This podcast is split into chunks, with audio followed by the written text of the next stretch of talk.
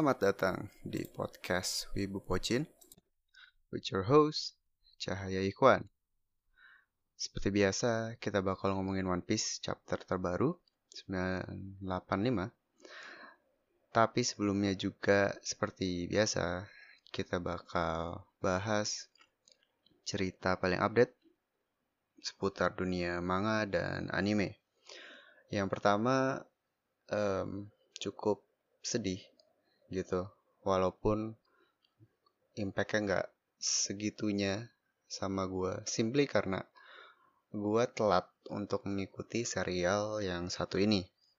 So Haikyuu serial sports shonen dari Shonen Jump baru saja tamat minggu ini di chapter 402 serial volley ini sangat-sangat populer bahkan setahun belakangan menjadi top 3 di Shonen Jump bersama dengan One Piece dan Boku no Hero. Uh, oh, dan juga bersama dengan Kimetsu no Yaiba sebelum tamat. Serial ini sangat apa ya? Banyak yang bilang ini lebih hebat dari Slam Dunk sesuatu yang cukup kontroversial gitu ya. Karena beda zaman juga. Tapi gue bisa bilang ini salah satu serial sport shonen terbaik di dekade ini. Um, gue gue tuh kebiasaan kalau baca manga antara start dari awal dan invest benar-benar dari chapter 1 sampai tamat atau nggak baca terus tiba-tiba jadi tertarik dan langsung lompat ke chapter yang paling baru. Baca baca baca kalau udah hook baru gua uh, maraton dari awal. Sering kejadian ya banyak lah hampir semua serial uh, Nanatsu no Taiza, Kimetsu, um, dan lain-lain. Banyak lah pokoknya. Um, nah kebetulan Haikyuu juga sama. Gue baru mulai baca di arc setelah setelah Karasuno kalah di Inter High kalah karena si Hinatanya sakit kan salah satunya. Terus ya udah lulus SMA terus tiba-tiba time skip dan tiba-tiba ada di Brazil. Itu poin pertama ya. Itu time skip yang unik banget. Terus gara-gara itu gue jadi tertarik. Gue baca dia main volley pantai tiba-tiba kan. Terus begitu udah selesai tiba-tiba masuk ke klub profesional dan ternyata ketemu lagi sama Kageyama. Di match itu gue bener-bener itu seru banget sih. Gue nggak ngikutin Haikyuu segitunya.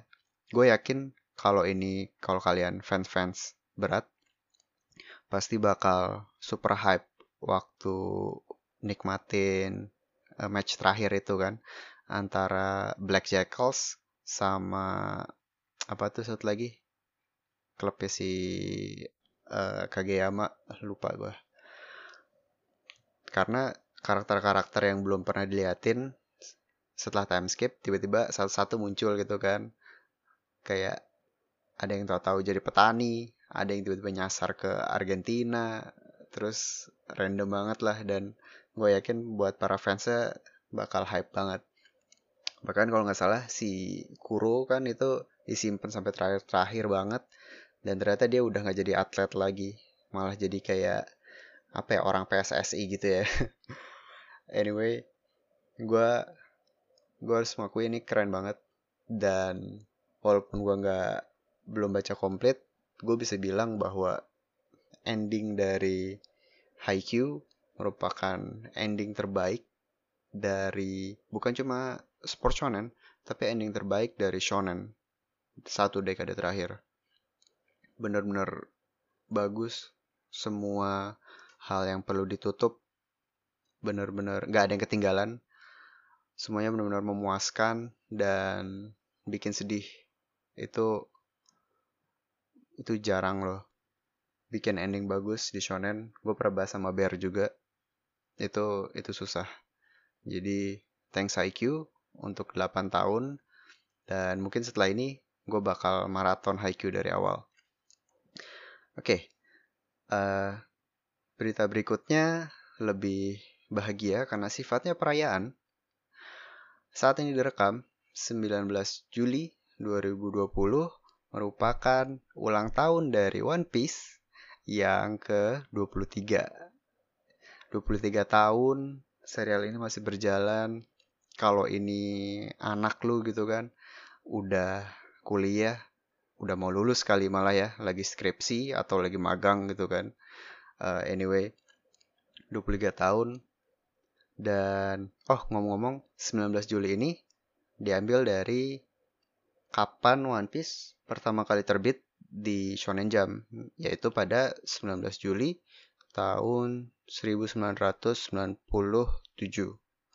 gitu. Jadi akhirnya itu dinobatkan sebagai hari lahir One Piece. Dan menyentuh umur 23 kita udah sampai di chapter eh di arc Wano. Bentar lagi juga tahun ini atau mungkin tahun depan kita akhirnya bakal melihat atau mencapai milestone yang sangat penting yaitu chapter 1000. 1000 chapter One Piece itu gila sih. Um, anyway, 23 tahun dari One Piece ini dirayakan juga dengan pastinya dapat color cover kan. Terus juga ada ilustrasi dari mangaka mangaka lain. Cuman gue belum nemu full illustrationnya di mana. Anyway, chapter yang merayakan ulang tahun ini juga gila banget 985 yang bakal kita bahas sekarang.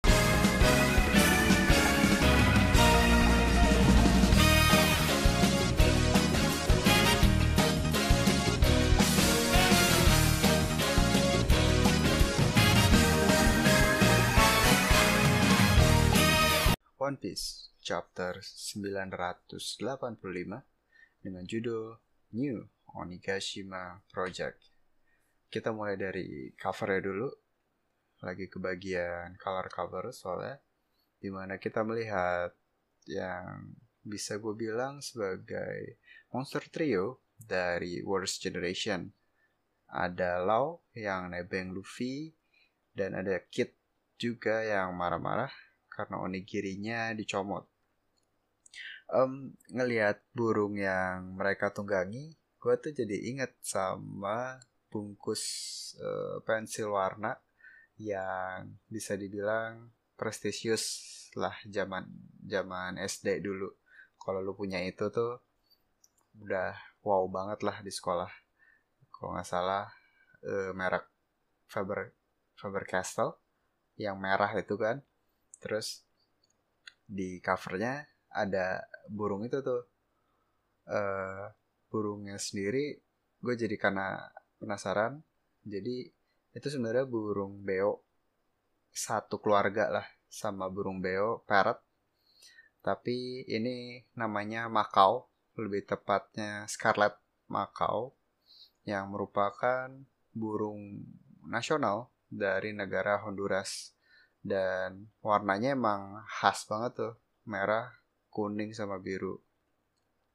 Gitu. Dan ya yeah, sekian fun fact dari gua sekarang kita langsung ngintip ke pintu belakang dari pulau Onigashima di mana ada uh, Kanjuro yang ternyata udah tahu rencana dari Akazaya yang lain dan menghadang mereka sambil bawa beberapa gifters. Ditambah juga dia gambar dua prajurit berkuda tanpa kepala yang men menurut dia menunjukkan keadaan Akazaya dan seluruh aliansi samurai yang kalah sebelum berperang gitu katanya. Nah, mengenai si uh, headless warrior ini sebenarnya lumayan sering jadi reference di pop culture Jepang walaupun nggak bersumber dari uh, folklore lokal. Bisa dibilang ini budaya uh, nyomot dalam tanda kutip karena ini sebenarnya asalnya dari mythological creature dari Irlandia yaitu Dulahan. Kalau ingat anime Durarara itu kan salah satu main karakternya Selty itu kan Dulahan, cuman wujudnya modern karena kudanya bisa jadi motor ninja gitu. Main keren sih. Tapi ya gitu, gue udah coba nyari kayak apakah ada um, dulahan khas Jepang. Tapi eh, nggak uh, nemu sih.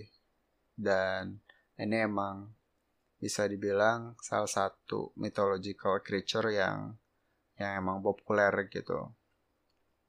Uh, anyway Kanjuro juga cerita gimana dia mukulin Momo karena mau kabur dan juga dia juga bilang tentang keadaan dia sekarang yang mau dieksekusi. Kayaknya mencoba memancing kemarahan dari Kawamatsu uh, dan kawan-kawan. Nah ternyata dari semuanya yang paling gak tahan adalah Kiku, uh, Kiku Nojo, dan dia uh, langsung maju buat menghadapi Kanjuro. Jadi um, ya mungkin bisa dibilang duel pertama adalah Kanjuro versus Kikunojo walaupun ada uh, potongan scene yang menarik di akhir chapter. Di sini juga Kiku bilang bahwa pedang dia memiliki uh, special ability yang menyebabkan luka-luka yang disebabkan oleh pedang itu akan dibawa ke alam baka gitu. Jadi lukanya nggak bakal hilang bahkan setelah lu mati. Itu itu kayak hardcore banget sih. Dan kalau gue sendiri jadi penasaran sebenarnya apakah Akazaya 9 yang lain punya teknik atau pedang khusus? Soalnya kan kayak um, Kinemon dia punya pedang api kan. Terus ya baru itu sih. Dan dan sekarang si Kikunojo. Jadi uh, cukup penasaran dengan yang lain-lain. Apakah mereka punya teknik khusus gitu. Dan ya dengan dimulainya uh, serangan Kikunojo the skirmish is on. Langsung rusuh. Dan semuanya maju dan ada uh, scene yang sedikit menarik bahwa minggu kemarin kan gue udah point out bahwa Neko Momoshi mengganti prostetiknya dengan pistol kan di tangannya.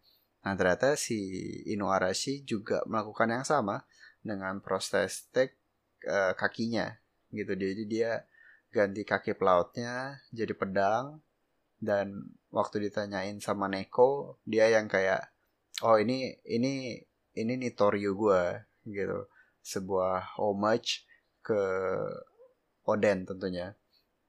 Tapi kaki yang diganti pedang ini juga sebenarnya pernah dilakuin oleh Lion Shiki, uh, antagonis utama dari movie Strong World gitu dan si ya ini melempar fakta aja sih biar nggak lupa si Lion Shiki itu bagian dari Rock Spirits juga gitu. Oke. Okay um, setelah itu kita pindah scene di mana balik lagi ke Luffy dan Yamato yang sedang menceritakan masa lalunya. Jadi ternyata dia gak bisa keluar dari pulau karena di Borgol dengan model Borgol yang sama di penjara Udon. Di mana Borgolnya akan meledak saat uh, orang yang make meninggalkan Wano gitu. Nah dia juga bilang bahwa waktu ketemu sama Ace dia udah pengen keluar dari Wano tapi nggak bisa gitu kan. Jadi um, mestinya sih emang udah dekat banget hubungan mereka. Um, walaupun penasaran juga kenapa nggak ya mungkin Ace nggak punya advance Ken Bunshoku eh Ken Bunshoku uh, Busoshoku jadinya nggak bisa nolongin Yamato atau entahlah yang jelas gue jadi makin penasaran sama masa lalu dari Ace waktu dia pergi ke Wano dan pertemuannya dengan Yamato. Ini semoga diceritain sih. Gue penasaran banget soalnya. Ada juga uh, clue baru tentang hubungan antara Yamato dan ayahnya yang udah tertebak sih sebenarnya. Jadi tiap kali dia ngelawan langsung digaplok sama si Kaido. Tapi seenggaknya walaupun udah oke okay, obvious tapi seenggaknya resolve dia untuk membelot dan melawan ayahnya sendiri itu sudah bulat sih. Jadi um, bisa dibilang udah fix lah Luffy dapat teman baru yang kuat. Ditambah lagi karena Luffy bisa membebaskan si Yamato dari Borgol ya karena dia udah belajar caranya kan di penjara penjara udon. Waktu ya dia itu waktu dia lepasin borgol dia sendiri sama si kakek Hyogoro waktu belajar advance Busoshoku juga gitu. Nah terus um, dari loteng kedengaran suara mereka ngintip dan ternyata pidato dari Kaido mengenai project New Onigashima telah dimulai. Dan ini akan kita bahas di part kedua.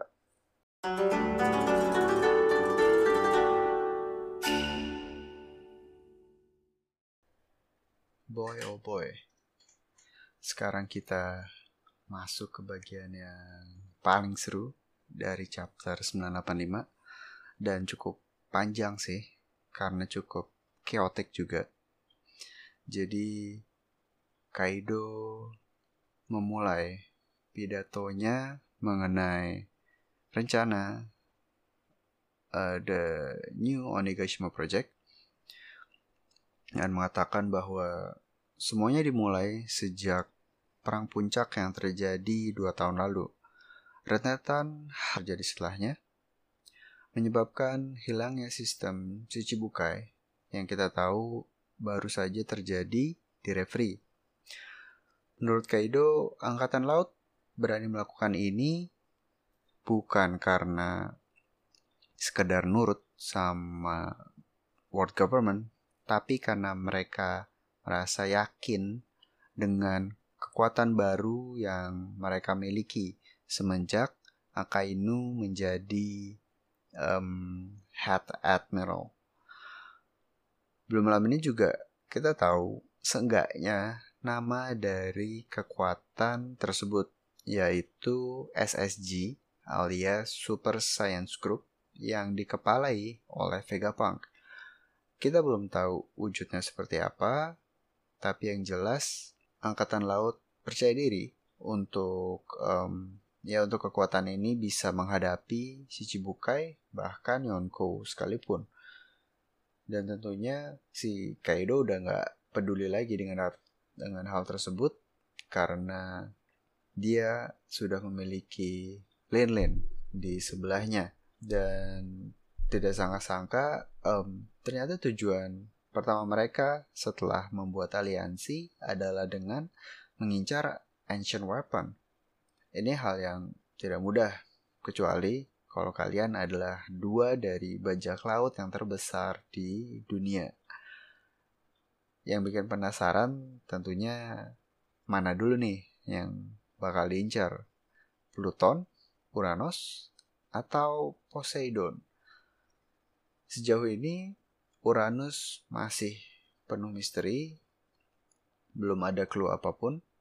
Sedangkan Pluton blueprintnya sudah hangus dibakar oleh Frankie di Ark uh, Enies Lobby. Walaupun kemungkinan besar pasti masih ada sih cara untuk membangun si kapal pelak kapal pelang kapal perang legendaris ini. Dan Poseidon kita tahu adalah putri Shirahoshi yang mestinya udah balik ke kerajaan Ryugu. Jadi ya kita belum tahu, cuman kita tunggu aja karena pilihannya cuma tiga itu kan. Anyway, Lin Lin muncul dengan cara yang cukup meriah, ditemani banyak homies yokai, dan seperti yang sudah ditebak sebelumnya, tempat yang dilalui oleh Nami dan kawan-kawan adalah jalan pintas menuju panggung. Dan ya tentu aja, sekarang mereka udah babak belur dan tertangkap. Bahkan Zeus pun udah kembali lagi ke tangan Big Mom walaupun dalam keadaan tidak sadarkan diri. Dan ini uh, menurut gue bikin cukup merinding bahwa Kaido dan Big Mom mendeklarasikan bahwa mereka mereka lah yang akan mendapatkan One Piece. Um, gue gue baru sadar juga kalau selama ini cuma karakter-karakter yang benar-benar big shot yang bisa dibilang berani lah bahkan untuk menyebut One Piece. Dengan pengecualian tentunya our lovely uh, Monkey di Luffy yang gak pernah berhenti sebenarnya ngomong Raja Bajak Laut dan One Piece.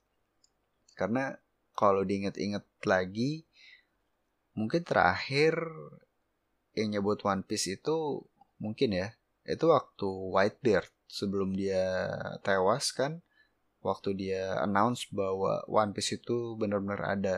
Jadi sebenarnya emang sesuatu yang sakral banget sih dan nggak bisa sembarangan orang bisa ya semudah itu menyebutkan One Piece kecuali Luffy tentunya um, by the way Big Mom di sini diperkenalkan sebagai Olin Sang Oiran.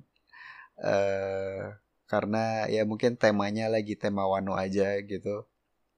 Dan ke kebetulan Oiran Oiran itu kan sebenarnya geisha yang uh, level tinggi gitu ya. Kalau nggak salah si Komurasaki sebenarnya yang yang memegang gelar itu. Cuman karena ceritanya udah tewas kan, mungkin di sini jadi seperti apa ya gelar honorer mungkin uh, yang dikasih kepada Big Mom. Anyway, now the time for the biggest twist I think uh, so far di perang puncak Wano. Ternyata Kaido bertujuan untuk menjadikan Wano sebagai pusat operasi dari aliansi Big Mom, dan Beast Pirates. Karena berbagai keuntungan yang kita sudah tahu. Yang pertama, akses yang sulit karena perlu nanjak uh, air terjun. Ditambah juga negara Wano di luar jurisdiksi world government yang otomatis berarti juga tidak diurus oleh angkatan laut. Bahkan di Kaido nambahin lagi dia mau meningkatkan produksi senjata dan memang daerah yang belum tersentuh yaitu flower capital yang bisa dibilang masih berfungsi sebagai negara normal gitu kan dan tentunya Orochi menentang ini karena dia menganggap flower capital sebagai surganya dia gitu kan lalu King meminjamkan katananya kepada Kaido dan wow, just wow, gelinding aja gitu kepalanya. Um, bener-bener, gue bener-bener shock dan nanti kita bakal bahas setelah ini um, implikasinya gitu Uh, anyway, lanjut dulu. Kaido Kaido bilang bahwa dia nggak pernah peduli mengenai Wano sebagai suatu negara, dia juga nggak peduli sama klan Kurozumi, mau klan uh, Kozuki, sama aja lah semua. Dia juga menganggap Wano sebagai tempat yang aman untuk melakukan operasinya. Dan ini mungkin sesuatu yang nggak mungkin dia berani uh, bilang kalau nggak ketemu sama Big Mom. Jadi apakah Kaido mengalami uh, God complex gitu kan bahwa setelah ketemu Big Mom dia merasa invincible dan bebas ngelakuin apa pun gitu termasuk memutus kerjasama dengan Orochi yang sudah dilakukan bertahun-tahun lebih dari 20 tahun gitu kan dan dengan sebuah percontohan yang luar biasa kuat, tentunya para anak buah Orochi jadi bingung. Dikasih 5 detik doang untuk pilih antara melayani Kaido atau mati di tempat. Ini um, ini menarik sih. Nanti habis ini bakal gue bahas lagi. But anyway, itulah inti dari New Onigashima Project, menghilangkan Wano seutuhnya dan menggantinya dengan Onigashima. Sebuah markas dari aliansi bajak laut, Beast Pirates, dan Big Mom Pirates. Dan ini juga kenapa Yamato dibutuhkan, karena ternyata Kaido ingin mengangkat Yamato sebagai shogun dari negara baru ini. Luffy dan Yamato yang baru aja jatuh dari loteng tentunya langsung menyerbu panggung untuk dua alasan. Menyelamatkan Momo dan protes sama bokap. And that's the end of 985. Chapter berikutnya seperti yang gue udah bilang minggu lalu, bukan minggu depan, tapi dua minggu lagi. Karena minggu depan yaitu minggu terakhir dari Juli itu biasanya memang Golden Week di Jepang, liburan nasional gitu. Jadi bukan cuma One Piece, Shonen Jump dan mungkin manga-manga lain juga uh, libur gitu. So banyak banget yang bisa kita bahas di bagian aftermath.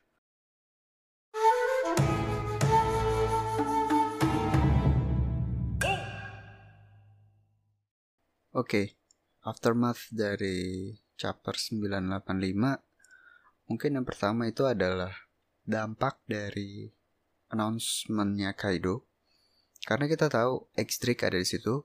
Dia merupakan agen rahasia dari angkatan laut uh, Sword. Dan karena ini sangat-sangat big news kemungkinan besar Drake akan langsung melaporkan ini. Dan bisa jadi ini akan membuat angkatan laut yang awalnya gak mau ke Wano jadi akhirnya bergerak sana. Itu yang pertama. Terus yang kedua yang cukup penting yaitu apakah Orochi benar-benar tewas? Jawaban dari gue enggak. Karena ada beberapa alasan sih. Yang pertama, build up Orochi sejauh ini terlalu deep, terlalu sering. Gue yakin kalian semua udah benci banget sama si pala kotak ini. Dan air hidup dari karakter seperti ini yang sesimpel dipenggal oleh karakter yang sebenarnya nggak benci-benci amat sama dia rasanya nggak pas. Kayak nggak pantas. Ini ini terlalu bagus untuk dia. Ya kan? Jadi itu alasan pertama Orochi belum mati yang kedua ada hutang yang harus dibayar oleh Akazaya Nine dan samurai yang lain dan tentunya cara terbaik untuk menebusnya adalah dengan mengalahkan Orochi sendiri. dengan kehilangan setengah dari motivasi mereka bakal aneh banget sih. Kayak kita juga udah tahu bahwa Kaido tidak semenyebalkan itu at least sampai di chapter ini ya. Maksudnya dia masih ada honor, dia gak sepengecut Orochi, dan dia bahkan masih ada respect terhadap Oden gitu. Jadi eh, aneh aja sih kalau kalau Orochi tewas begitu aja. Dan alasan ketiga yang paling paling kuat menurut gua yaitu Orochi memiliki buah iblis Zoan tipe mythical yaitu Yamata na, Yamata no Orochi sang ular atau naga berkepala delapan. Selama ini yang membedakan mythical Zoan dengan Zoan biasa adalah adanya kekuatan supernatural di samping kekuatan standar untuk mengubah diri menjadi hewan. Contoh paling simple, Marco. Phoenix, dia bisa menyembuhkan dirinya sendiri dan orang lain dengan kekuatan regeneratif. Kemudian Sengoku, dia punya buah iblis model Buddha yang membuat dia bisa mengeluarkan shockwave dari jauh. Kaido sendiri juga bisa ngeluarin uh, kamehameha dari mulut gitu kan. Dan nanti pasti ada kekuatan yang lain. Dan contoh terakhir yang kebetulan juga pemilik Zoan Mythical terakhir dari list ini karena emang baru 5 sejauh ini saking langkanya. Karena emang udah dibilang kan Mythical Zoan itu lebih langka daripada Logia dan ini adalah Katarina Devon, kapten dari bajak laut Kurohige, yang bisa merubah dirinya menjadi siapa pun, mirip kayak Bone Clay dengan buah iblis mane-mane, dengan Zoan QB. Gitu. Jadi, kata lain, bisa dibilang kita belum lihat kemampuan sebenarnya dari buah iblis Yamata no Orochi yang mungkin aja itu adalah kemampuan untuk memiliki lebih dari satu nyawa tergantung dari jumlah kepalanya mungkin ya kita belum tahu tapi gue yakin banget Orochi belum mati oke okay. Uh, poin ketiga dari chapter ini yaitu mengenai ultimatum dari Kaido yang mengancam anak buah dari Orochi untuk memilih antara mengikuti perintah dia atau mati di tempat. Gue merasa ya ini justru bakal jadi titik awal dari kebangkitan Samurai Wano. Karena sebenarnya gak ada yang mengikuti Orochi karena karena respect gitu. Semuanya karena ketakutan. Ketakutan karena uh, ya dia punya backingan yaitu Kaido. Sekarang setelah dia nggak ada gitu ya dalam tanda kutip karena gue yakin belum mati. Ini bisa dimanfaatkan oleh kakek Hyogoro dan para samurai lain yang sebenarnya udah ada di hold itu dan ikut mendengar pidato dari Kaido. Bisa jadi ini bisa jadi malah bisa jadi kesempatan karena lagi pada takut kan di akhirnya malah dilindungi karena kayak kita semua warga Wano bla bla bla dan akhirnya pasukan mereka jadi tambah banyak gitu. Ini ya belum tentu sih cuman menurut gue bagus banget kalau bisa kejadian bisa jadi ya backfire lah dari keputusan si Kaido.